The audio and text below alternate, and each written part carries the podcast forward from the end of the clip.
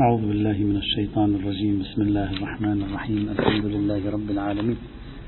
الصلاة والسلام على سيدنا ونبينا محمد وعلى آله الطيبين الطاهرين.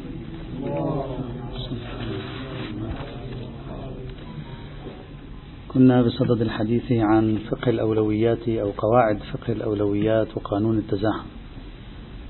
فوصلنا إلى إشكالية قد تثار في بعض الأذهان وقد أثارها بالفعل بعض المعاصرين في أن الاجتهاد الإمامي وأضفنا نحن إليه الاجتهاد الظاهري عندما يسد باب معرفة الملاكات كيف يفتح باب التزاحم.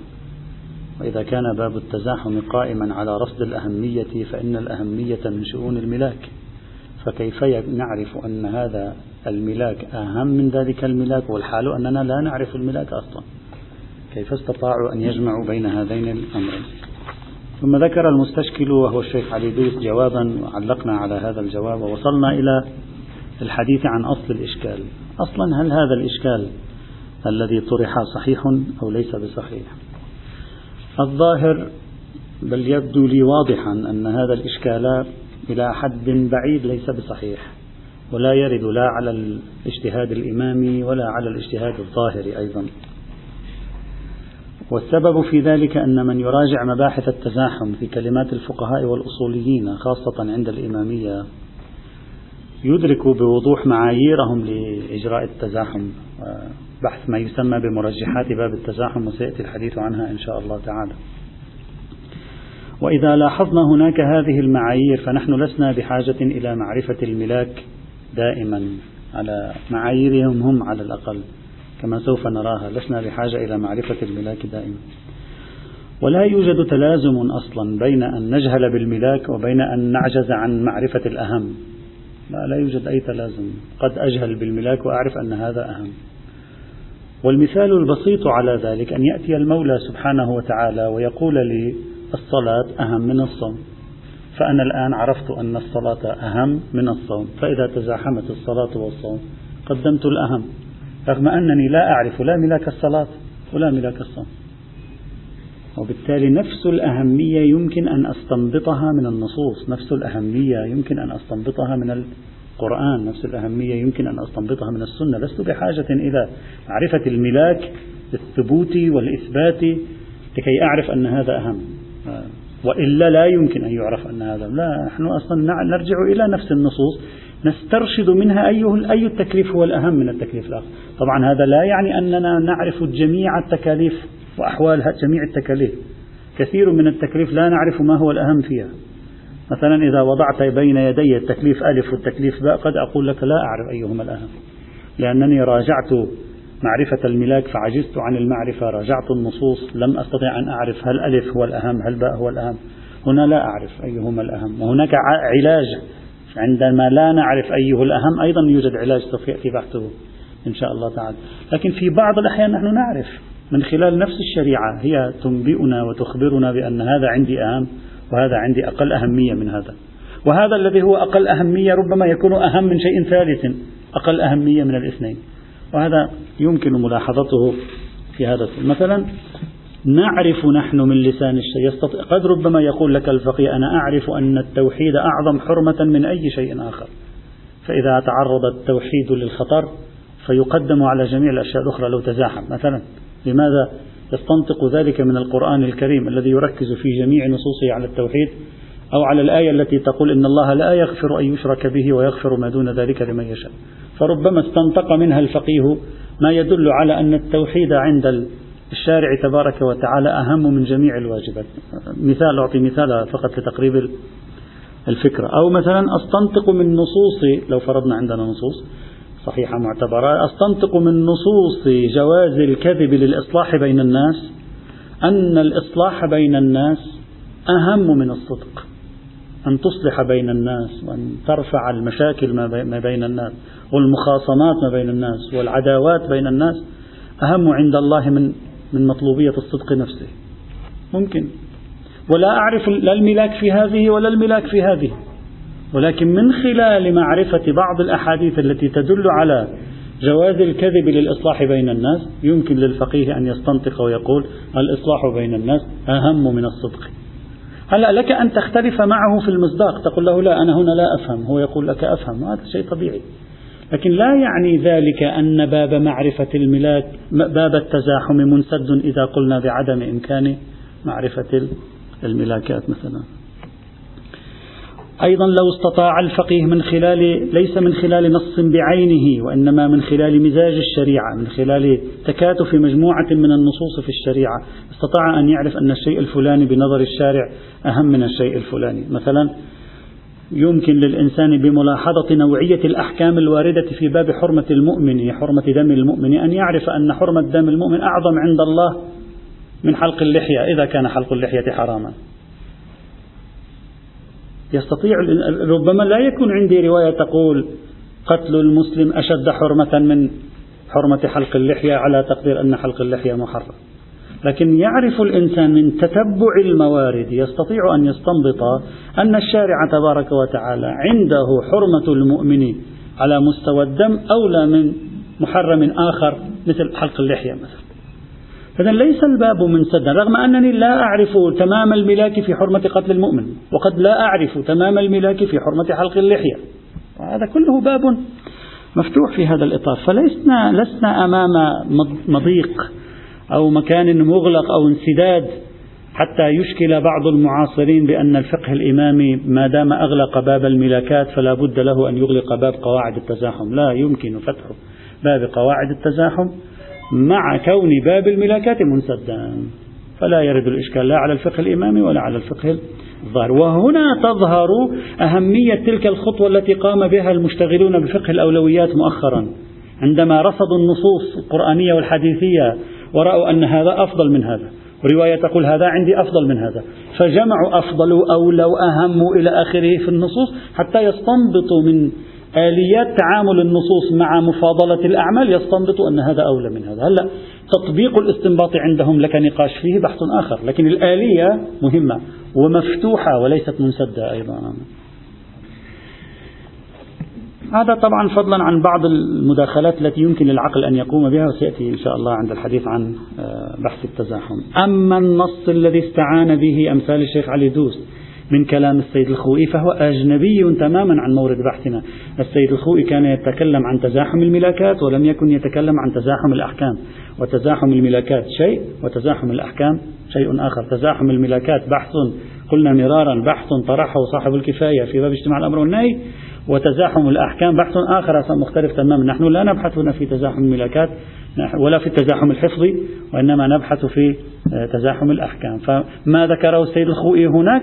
أصلا في واد آخر. ولذلك السيد الخوئي يرفض ذكر ذلك الكلام في باب تزاحم الملاكات ولكنه في باب تزاحم الأحكام يقبله جملة وتفصيلا ولا يرى مانعا من وجود قواعد لإجراء التزاحم. وبهذا نفهم معنى كلمات المحقق النائيني رحمة الله تعالى عليه. عبارته مهمة. ماذا قال؟ قال ومسألة الأهمية يختلف باختلاف ما يستفاد من الأدلة. يعني كان واضحا عند الميرزا النائيني أن معيار الأهمية مرجعه ما هو نفس الأدلة ومناسبة الحكم والموضوع يعني معيار معرفة الأهمية عنده ليس العقل في كشفه للملاكات. حتى نقول إذا سد باب الملاك سد باب معرفة الأهمية. وإنما نفس الأدلة الشرعية ومناسبات الحكم والموضوع تعطيني أن هذا أهم. من ذلك. وهو يمثل يقول فما كان لحفظ بيضة الإسلام يقدم على كل شيء. هلا هذا تشخيصه. لك أن تختلف معه في التشخيص. حقق طبيعي. لكن القاعدة واضحة. وما كان من حقوق الناس يقدم على غيره. كمان هذا تشخيصه. كما أن ما كان من قبيل الدماء والفروج يقدم على غيره. وأما فيما عدا ذلك من الموارد الجزئية يقول فاستفادة الأهمية يحتاج إلى ملاحظة المورد وملاحظة الأدلة. إذا صارت الفكرة واضحة. أصل الإشكال أن الفقه الإمامي وقع في تناقض بين باب التزاحم وما بين معرفة الملاكات أصل الإشكال ليس في محله.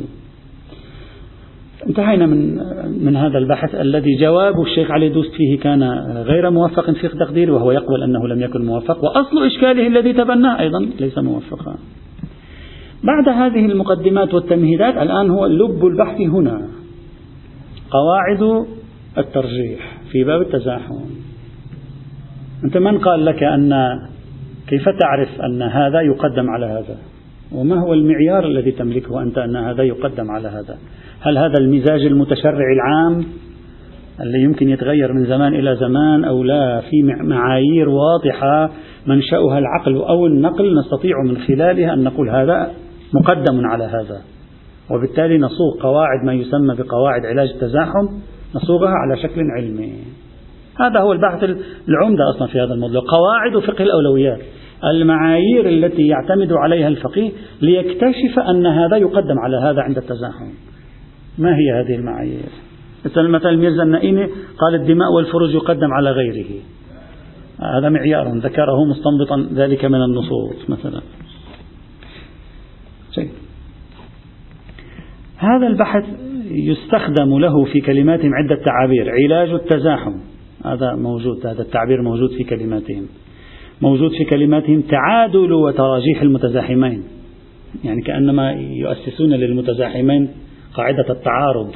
مثل ما كانت تسمى قديما تعادل والتراجيح ذاك في التعارض تعادل وتراجيح الأدلة الآن تعادل وتراجيح المتزاحمين.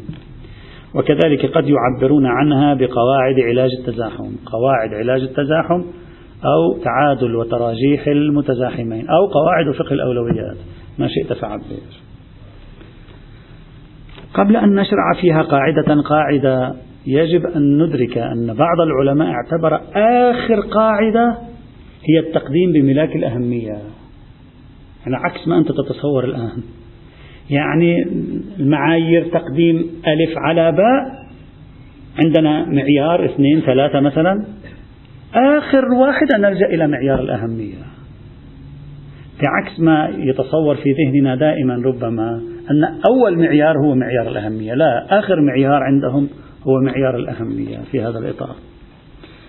مثلا لو كان عندنا واجبان واحد موسع وواحد مضيق. أنت الآن في آخر وقت صلاة الظهر والعصر وصار الواجب مضيقا.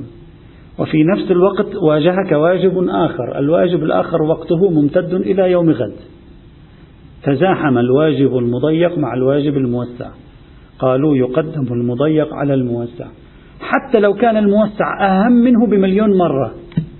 مع لا أهمية للملاك هنا ولا لعنصر الأهمية ولا لأي شيء. هنا معيار آخر يسبق معيار الأهمية. قبل أن تقول أقدم الأهم على المهم يجب أن تكون كل القواعد المفروضة في علاج التزاحم منتفية موضوعا حتى تقول أنا أصل إلى مرحلة أقدم فيها الأهم على المهم.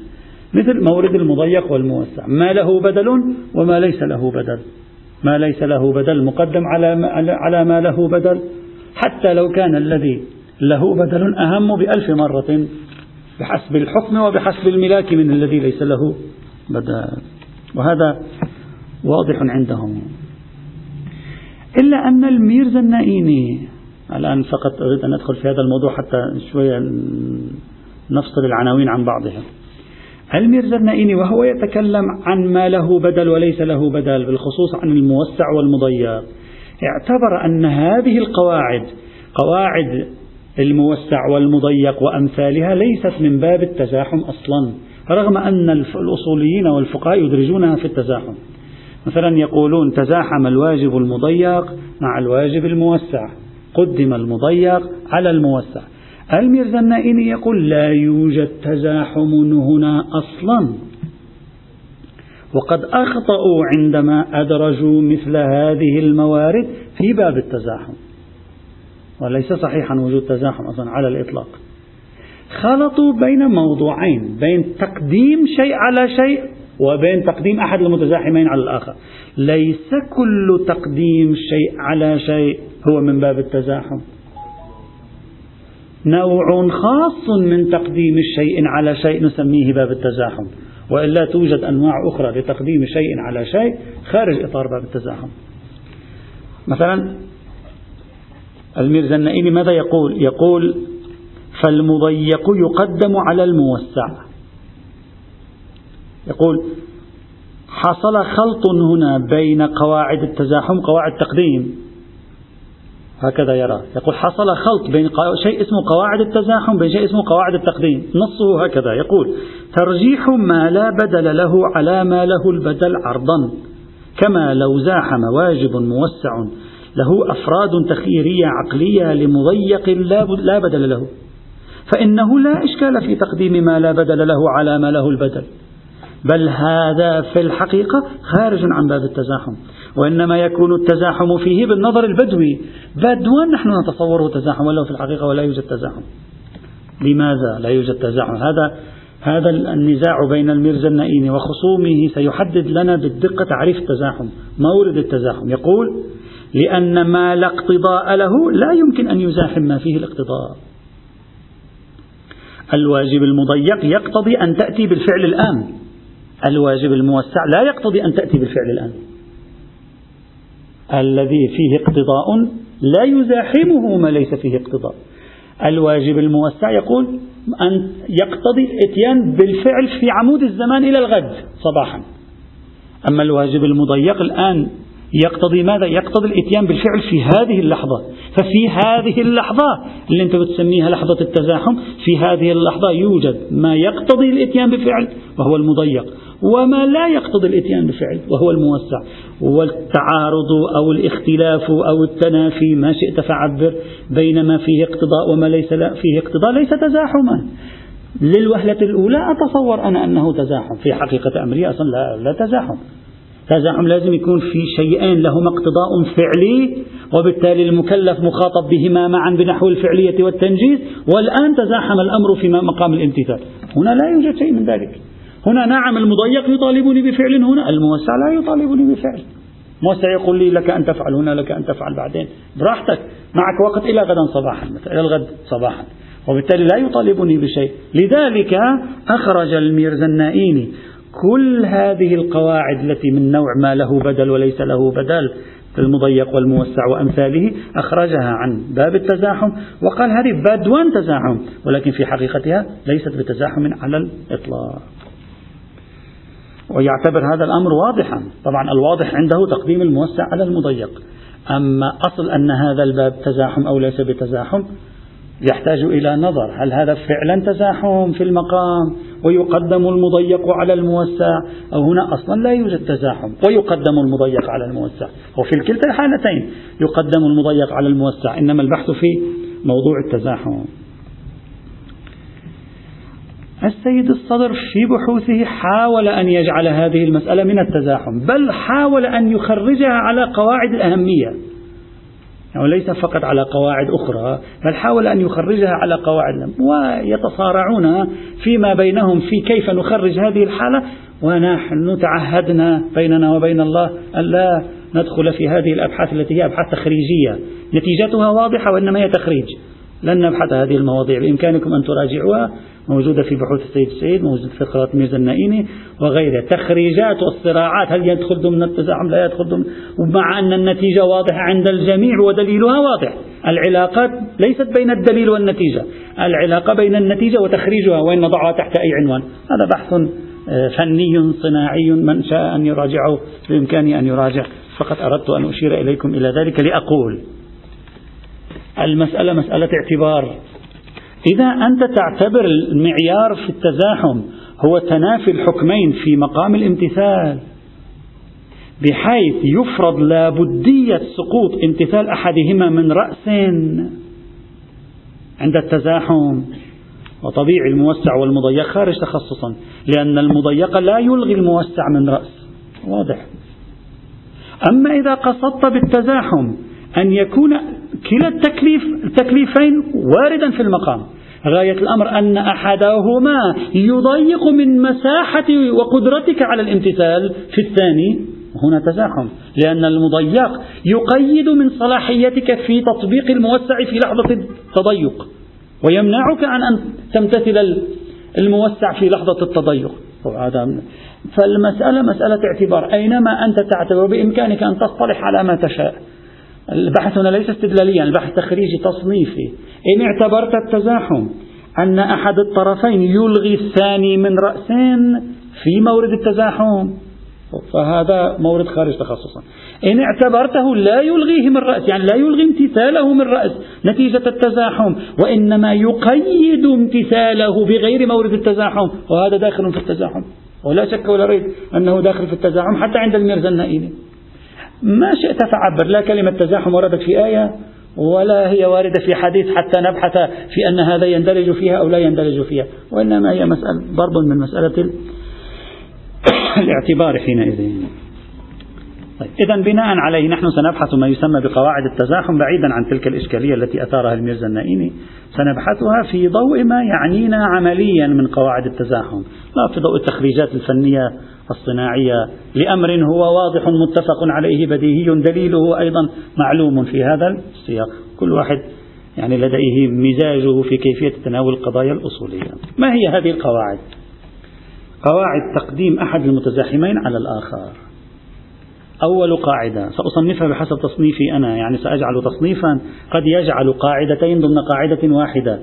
هي عندهم قاعدتين ولكننا قد نجعلها ضمن قاعدة واحدة طبقا لتصنيف فني نراه أكثر فنية أول قاعدة أسميها قاعدة البدائل أو تقديم ما لا بدل له على ما له البدائل. هذه أول وأوضح القواعد التي يذكرونها في باب علاج التزاحم. وهي قاعدة عقلائية بديهية واضحة لا تحتاج إلى استدلال ولم يتجشموا عنها الاستدلال لها لأنها واضحة جلية. وأبرز مثال لها الموسع والمضيق ما في اثنين يختلفون على أنك مطالب بالواجب الموسع ومطالب بالواجب المضيق. وممكن لك أن تمتثل الاثنين معا. فإذا كان ممكن لك أن تمتثل الاثنين معا فمن الطبيعي أن يفهم العرف من الدليلين وجوب امتثال الاثنين. ووجوب امتثال الاثنين لما لم يكن في لحظة واحدة إذ يستحيل التكليف بغير المقدور لزم أن يكون في لحظتين. وهذا بديهي أصلا لا يحتاج إلى يعني إلى إقامة برهان هم اعتبروه أيضا بديهي. فنقول دليل الواجب المضيق على إطلاقه. دليل الواجب الموسع مقيد بعدم الاشتغال بالمضيق كما شرحنا ذلك في أدلة أصل قاعدة التزاحم. مقيد بعدم الاشتغال بالمضيق فإذا أنت اشتغلت بالمضيق يكون دليل الموسع مجمدا فإذا انتهيت من المضيق عاد الدليل إلى وضعه الطبيعي وكأننا نطبق قاعدة الضرورات تقدر بقدرها. عاد دليل الموسع إلى وضعه الطبيعي. بعد انتهاء وقت المضيق ترجع عليك امتثال الواجب الموسع. وبعبارة أخرى الواجب المضيق صرت ملزمة الآن بهذا الفرد خاصة للإتيان به. إذ لا يوجد له فرد آخر. أما الواجب الموسع فأنت في الحقيقة مطالب بالجامع والجامع له أفراد. أحد الأفراد لم تتمكن منه لمزاحمته بالمضيق سائر الأفراد أنت متمكن منها. فلا داعي لإسقاط أصل الواجب الموسع بل نسقط هذه الحصة التي هي مورد التزاحم فهذا واضح عندهم لم يختلموا فيه.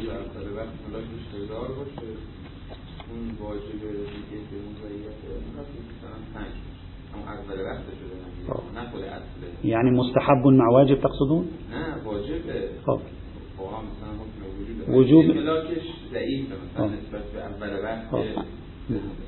أنتم الآن تبحثون في ملاك الأهمية. نحن لم نصل بعد إلى ملاك الأهمية. أنتم الآن ذهبتم إلى إلى التقديم بمعيار الأهمية. نحن لا نبحث في معيار التقديم بالأهمية. نعم. نعم. بصرف النظر عن أي معيار آخر. طبعا. نعم. في حد نفسه في هذه الصورة نعم. أما معيار الأهمية سيأتي وهو آخر المعايير التي تذكر داخل هذه الفكرة الواضحة عندهم الجلية التي لا يناقشون فيها ذكروا وجهين لما لا بدل له. هم جعلوها على شكلين وقاعدتين ويمكن إدراجها ضمن قاعدة واحدة وهي قاعدة البدائل. أول وجه البدائل العرضية. وثاني وجه البدائل الطولية. البدائل العرضية عندهم واضحة أكثر من البدائل البدائل العرضية عندهم واضحة أكثر من البدائل الطولية. يعني محل التنازع عندهم في البدائل الطولية كما سوف نرى الآن بحسب التسمية التي أطلقناها. النوع الأول من قاعدة البدائل البدائل العرضية. والمراد منها إذا عندي تكليف بأمر معين وهذا الأمر المعين له أفراد عقلية كثيرة. عدة أفراد عقلية كثيرة. أو عندي تكليف بأمر وهذا الأمر له أفراد شرعية متعددة مثل الواجب التخييري وتزاحم واحد من هذه الأفراد العقلية أو الأفراد الشرعية مع تكليف آخر ليس له أفراد أخرى. اللي هو سميناه الآن نحن عبرنا في المثال الذي استخدمناه عبرنا عنه بالمضيق.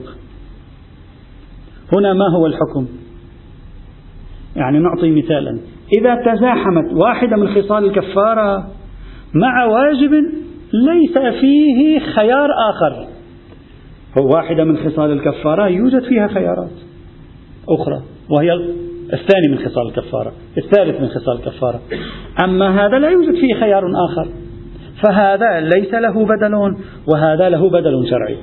أو الصلاة من الظهر إلى الغروب لها بدائل متعددة. زاحمها شيء ليس له بدائل مثل إنقاذ غريق. الآن إذا لا تنقذه يموت بناء على وجوب حفظ النفس من التلف. لا بناء على حرمة إتلاف النفس.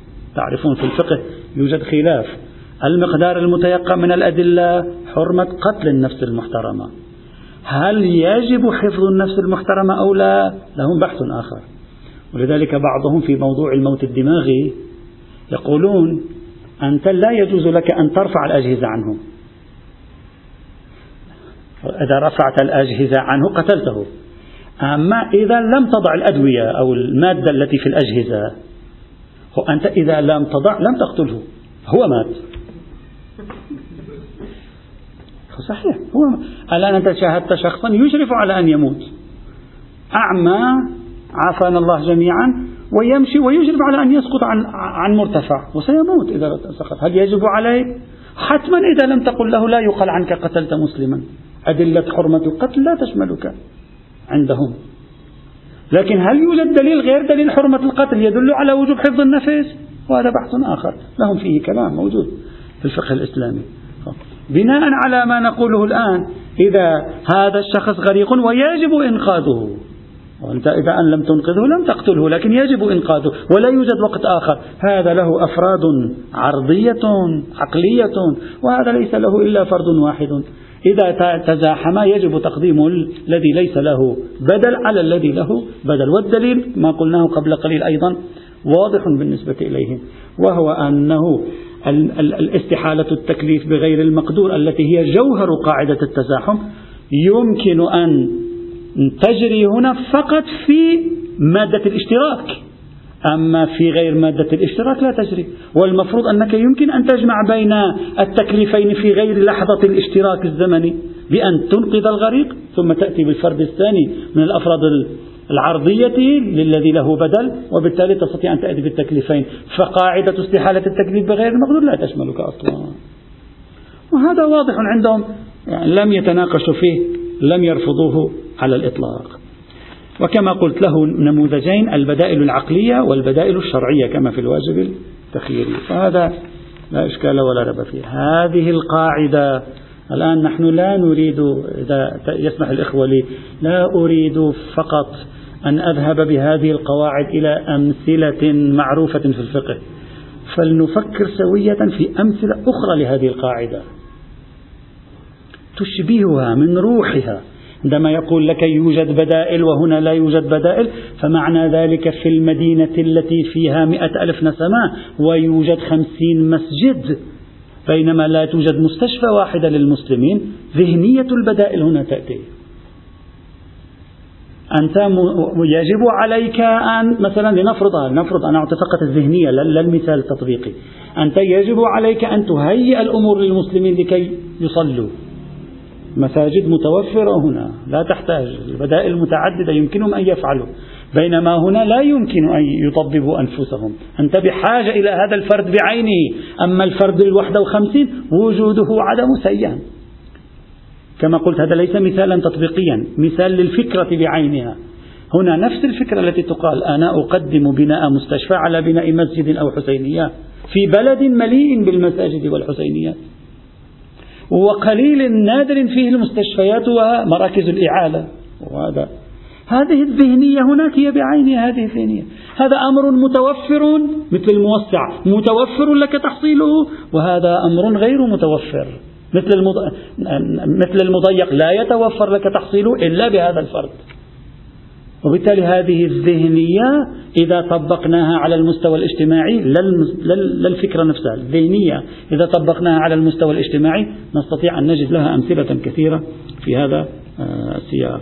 مثل مثلا الذهاب إلى الحج خمسين مرة في العمر وكما يقول بعضهم بدل ما تروح خمسين مرة في العمر هذا صاحبك جارك المسكين اللي بنص مؤمن ادفعه ليذهب إلى الحج أعطيه الفلوس يذهب إلى الحج لعله الله سبحانه وتعالى يهديه لعل الله يترك في نفسه شيئا. ستروح خمسين مرة إلى الحج.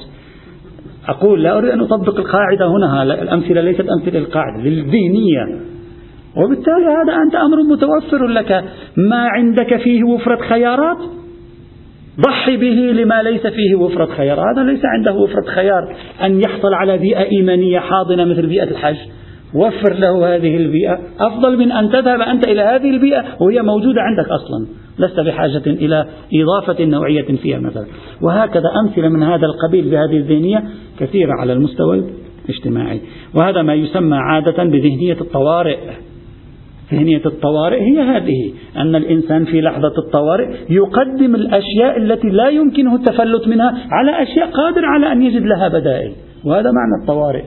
يعني الحالات الطارئة يأتي بالأشياء التي هي غير متوفرة على حساب الأشياء التي هي بالأصل أصلا متوفرة. لا حاجة إليها. إذا هذه النوع الأول من قاعدة البدائل أو ما سميناه بالبدائل العرضية أو البدائل داخل التكليف الواحد سواء كان بدائل شرعية أو عقلية هذا لم يتنازعوا فيه وإنما هو أمر واضح. إنما الكلام في النوع الثاني وهي البدائل الطولية التي وقعت موقعا للبحث خاصة عند الميرزا النائيني آه، رضوان الله تعالى عليه. ميرزا النائيني ذكر آه، مفردة البدائل الطولية وعبر عنها القاعدة الثالثة عنده كما جاء في فوائده وتكلم عنها ونوقش كلامه في هذا السياق. سيأتي إن شاء الله تعالى بحثه أريد أن أختم اليوم بكلمة مختصرة بسيطة خمس دقائق. لا أريد أن أطيل. بمناسبة وفاة أستاذنا السيد الهاشمي رحمة الله تعالى عليه. ليس عندي كثير من الكلام لأقوله. أحببت فقط أن أذكر خاطرة أو خاطرتين. وفاء لحق لحق المعلم آه، والمعلم له حق. آه، وفي نفس الوقت أريد أن أجعل من هاتين الخاطرتين أو الخاطرة أو الخاطرتين أريد أن أجعل منهما مادة نستفيد نحن منهما. الخاطرة الأولى كان رحمه الله تعالى سمعت منه مرارا وتكرارا وليس مرة واحدة وأنا نقلت هذا الكلام في أكثر من مكان دون أن أسمي في حينه. سمعت منه مرارا وتكرارا آه، أنه كان يقول من وجهة نظره أن الرسالة العملية لا يمكن أن تدير مجتمع. هذا الكلام إذا صدر من شخص غير آه، يعني غير فقيه آه، لربما لا نعول عليه أو لا نأخذه بعين الاعتبار. لكن إذا صدر من شخص فقاهته معلومة ولديه خبرويته في المجال الفقهي وفي الوقت عينه لديه تجربته القانونية تستحق التوقف عندها. يعني ويعطي مثالا لرسالة عملية لن أذكر أي رسالة. كان يقول دائما الرسالة العملية لا تنفع. وعلق على موقف بعض العلماء الكبار الذين قالوا بأنه لا يوجد عندنا محامي في الشرع. الفارسية وكيل. لا يوجد عندنا نحن نظام المحاماة في الشرع. لماذا لا يوجد عندنا نظام المحاماة في الشرع؟ قال لأننا إذا فتحنا الرسالة العملية لا نجد في كتاب القضاء محامي. إذا فلا يوجد محامي في الشرع. إذا فينبغي أن نلغي نظام المحاك المحاماة من الأنظمة القضائية ومن المحاكم وما شابه ذلك.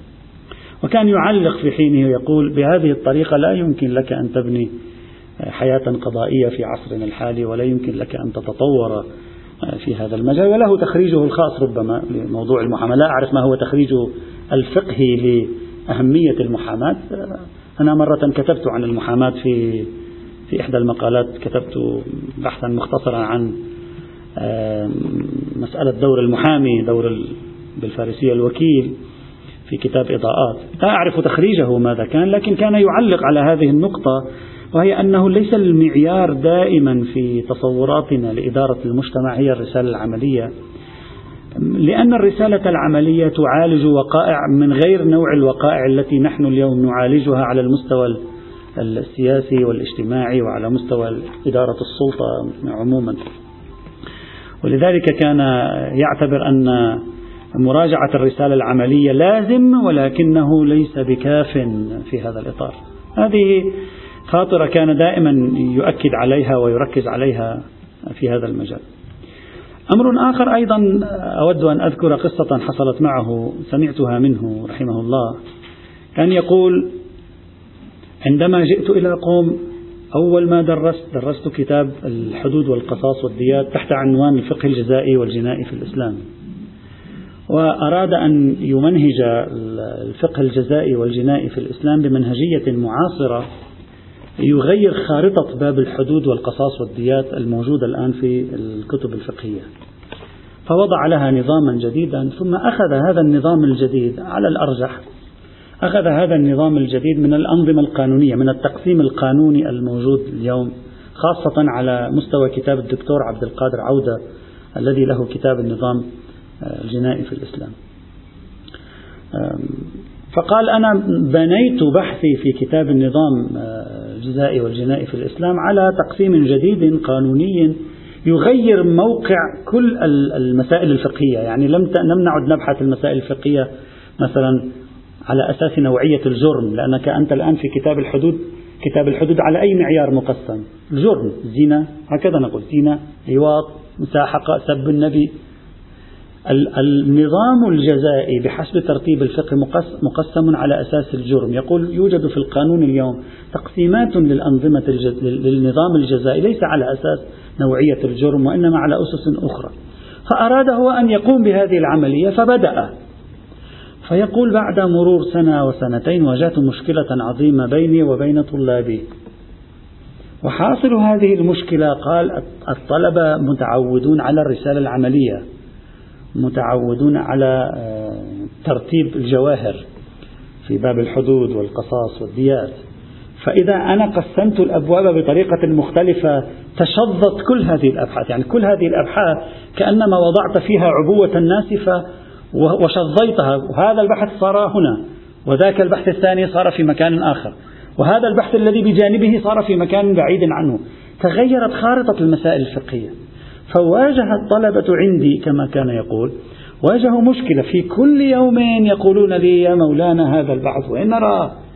هذا البحث الذي أنت وضعته هنا أين نجده في كتب الفقه؟ فيقول لهم هذا في كتب الفقه في الموضع الفلاني.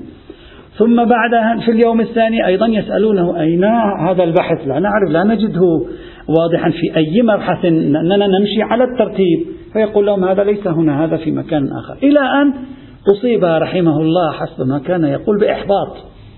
فشعر أن كثرة تذمر الطلبة من هذا التقسيم الجديد شعر بأنه بات يخلق حاجزا بينه وبينهم وبالتالي لم يعودوا مرتاحين إلى نوعية هذا التقسيم الجديد الذي اختاره. فأوقف البحث رحمه الله قبل أن يكمل أواخره. أوقف البحث وانتقل إلى كتاب الخمس على العروة الوثقى وانتهت هذه المشكلة تماما. ولأن على كتاب العروة الوثقى أنت تبحث هذا البحث مسألة مسألة. والطلاب يعرفون أين يرون هذه المسألة. يعرفون أين موضعها في شروحات العروة في دورات الأساتذة الكبار على دورات الخارج أيضا. فيستطيعون أن يتابعوا الأستاذ في هذا وهذه فعلا مشكلة. أن الطالب عندما لا يستجيب للمتغيرات التي يريد أن يحدثها أستاذه وفقا لرؤيته يضع حاجزا بينه وبينه. رحمة الله تعالى عليه وأصيب بإحباط غيره؟ ربما يصاب بإحباط ربما لا يصاب بإحباط. فريق ثالث يرى كيف أصيب هو بإحباط فلا يبدأ من الأول. يقول لأنني إذا بدأت سوف أقع في هذه المشكلة. وبالتالي هذه القضية تحتاج إلى تعاون وتحتاج إلى تفكير كيف يمكن حل هذه المشكلة. وبحوثه رحمه الله في الفقه الجزائي موجودة. وقد صفت على ما في بالي أربع مجلدات كاملة مع الأسف لم تطبع إلى الآن مع الأسف يعني. وكان هو بصدد مراجعتها وإكمال النواقص التي لم يسعفه الوقت لكي يكملها. وعلى أي حال هذا واقع الحالة الفقهية الموجودة يمكن هذه تحديات تواجه.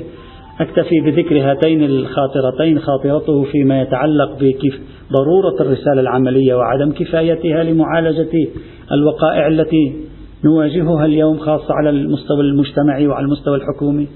وثانيا الهم الذي فرض عليه أن يتخلى عن مشروع كان قد انطلق به في أول ما انطلق في بحث الخارج. وبالتالي بقي رحمه الله منذ كتاب الخمس حتى آخر عمره يدرس على متن العروة الوثقى المضاربة المزارعة المساقات الشركة. ما زلت أذكر في أول ما بدأ بكتاب الشركة ودروسه حتما موجودة الآن. ما زلت أذكر أول ما بدأ في كتاب الشركة أبدى هموما كثيرة. عندما قال هذه الشركة خلط دهن الجوز بدهن اللوز التي يحدثنا عنها صاحب العروة لم يعد لها وجود, وجود الآن. لم تعد محل ابتلاء واسع. اليوم توجد أنواع جديدة للشركات في العالم. هذه صارت شبه منقرضة ونحن يجب أن نبحث في القضايا الجديدة أيضا. ثم ذكر مثالا وقال هذا السنهوري السنهوري أحد كبار فقهاء القانون في العالم الإسلامي في العالم العربي أحد فقهاء القانون الكبار المصريين. وله كتاب القانون المدني معروف للسنهوري حدود عشرين مجلد كبير. وكتاب الشركة عند السنهوري هالحجم ألف صفحة تقريبا. أنواع الشركات في العالم الأنظمة القانونية للشركات في العالم. وهذا الكتاب ليس كتب الآن كتب قبل خمسين سنة تقريبا. قبل أربعين سنة هذا الفقيه القانوني الذي كان يحترم الشريعة. لم يكن خارج إطار الشريعة السنوري. الذي كان يحترم الشريعة كتب هذا الكتاب في إطار الفقه القانوني. ليس في إطار مجتهد يعني شرعي. فأراد السيد قال هذه لا بد أن نأتي بها ثم نبحثها ثم ندرس هذه الأنواع من الشركات لكنه بدأ وللسبب عينه على ما أظن لم يعطي إلا بحث العروة الوثقى رحمة الله تعالى عليه. أظن للسبب عينه الذي يعني حصل معه في بدايات. ولذلك أنت تجده في البحوث المستجدة غالبا ما يبحثها لوحده في مقالات منفردة وقليلا ما يبحثها في درسه. إلا في بعض دروسه التعطيلية التي ألقى فيها بعض المباحث في شهر رمضان المبارك. على أي حال هذه هموم يعني لشخص جرب الحياة القانونية وأدرك محتواها وفي الوقت عينه جرب الفقه وأدرك محتواه وأدرك ضرورة أن تتغير خارطة الأبحاث الفقهية لكي يستجيب الفقه الإسلامي إن شاء الله تعالى لتحديات العصر وأدرك ضرورة أن تتغير أيضا تقسيمات الفقه لأنه في أول هو, هو هكذا قال في أول مباحث الفقه الجزائي وضع خارطة جديدة أصلا لمباحث الفقه الجزائي والجنائي في الإسلام ولكن آه، سبحان الله لم تسعفه الظروف لكي آه، يقوم بترتيب هذه الأمور. وغالبا ما لاحظت ملاحظة شخصية لاحظتها على السيد الشهيد الصدر وعلى غيره أيضا وهي أنهم عندما يدرسون الفقه داخل أسوار الحوزة العلمية لا يظهرون الكثير من الأفكار التي ربما تكون مختلجة في نفوسهم. ولكنهم عندما يكتبون أو يتكلمون خارج إطار الحوزة العلمية يعني خارج الأسوار خارج الدرس الرسمي المسمى بالبحث الخارج تجدهم أكثر حرية وفسحة من أمرهم ليثيروا بعض الأفكار التي ربما تكون مختلجة في نفوسهم. وهذا رأيته واضحا حسب تشخيصي للسيد الشهيد الصدر. إن قارنته بين كتابه بحوث في شرح العروة الوثقى على سبيل المثال وبين كتب تنتمي إلى البحث الفقهي عنده مثل البنك اللاربوي في الإسلام مثل اقتصادنا مثل سائر هذه البحوث تجد أنه هناك يبث ببعض الأفكار التي لا تجده يبثها في هذا المجال. ولذلك أنصح الإخوة بمراجعة أربع كتب فارسية طبعت للسيد الهاشمي بث فيها بعض خواطره الفقهية مما لم أجد أنه ذكره في كتبه الفقهية الرسمية مثل كتاب المضاربة أو المزارعة والمساقات أو كتاب الشركة أو كتاب الإجارة أو كتاب الخمس وأمثاله. وهي موجودة منشورة تمثل بعضا من كلماته أو من أفكاره التي ألقاها هنا. وهناك وهي كتاب حقوق شهربندي بإمكان استخراج مقالة فقهية حول رؤيته الفقهية خارج درسه الرسمي. وستجد أشياء أنت لن تتوقع أنك ستجد هذه الأشياء. الآن أتركها لك أن تذهب تقرأ. كتاب حقوق شهر بندي وكتابه الثاني أيضا مبارزة ومفاسد. أنا لا أتكلم عن الشؤون السياسية أتكلم عن الجانب الفقهي القانوني في أفكاره. وكتابه الثالث نزارات بازرسي وكتابه الرابع عندي شيء إسلامي. من هذه الكتب الأربعة بإمكانك استخراج رؤية فقهية للسيد الهاشمي تتصل بتطوير الفقه الإسلامي مقترحات أفكار اجتماعات إضاءات ما شئت فعبر. لكن هذه الرؤية لا تجد بسهولة أنه كان قادرا على أن يعكسها في كتبه الرسمية الفقهية. كانت توجد صعوبة في انعكاسه وهذا أمر يستحق التفكير. لماذا هذا النمط من التفكير؟ نجد صعوبة في أن ينعكس في داخل الكتاب الاجتهادي الرسمي. هذا يحتاج إلى تأمل وإلى تفكير في هذا السياق. رحمه الله تعالى وتغمده بواسع رحمته ووفقنا لأن نفي له حق التعليم لأن حق المعلم كبير. ونسأل الله تعالى له أن يحشره مع محمد وآل محمد عليهم أفضل الصلاة والسلام. والفاتحة إلى روحه الطاهرة مسبوقة بالصلاة على محمد وآل محمد.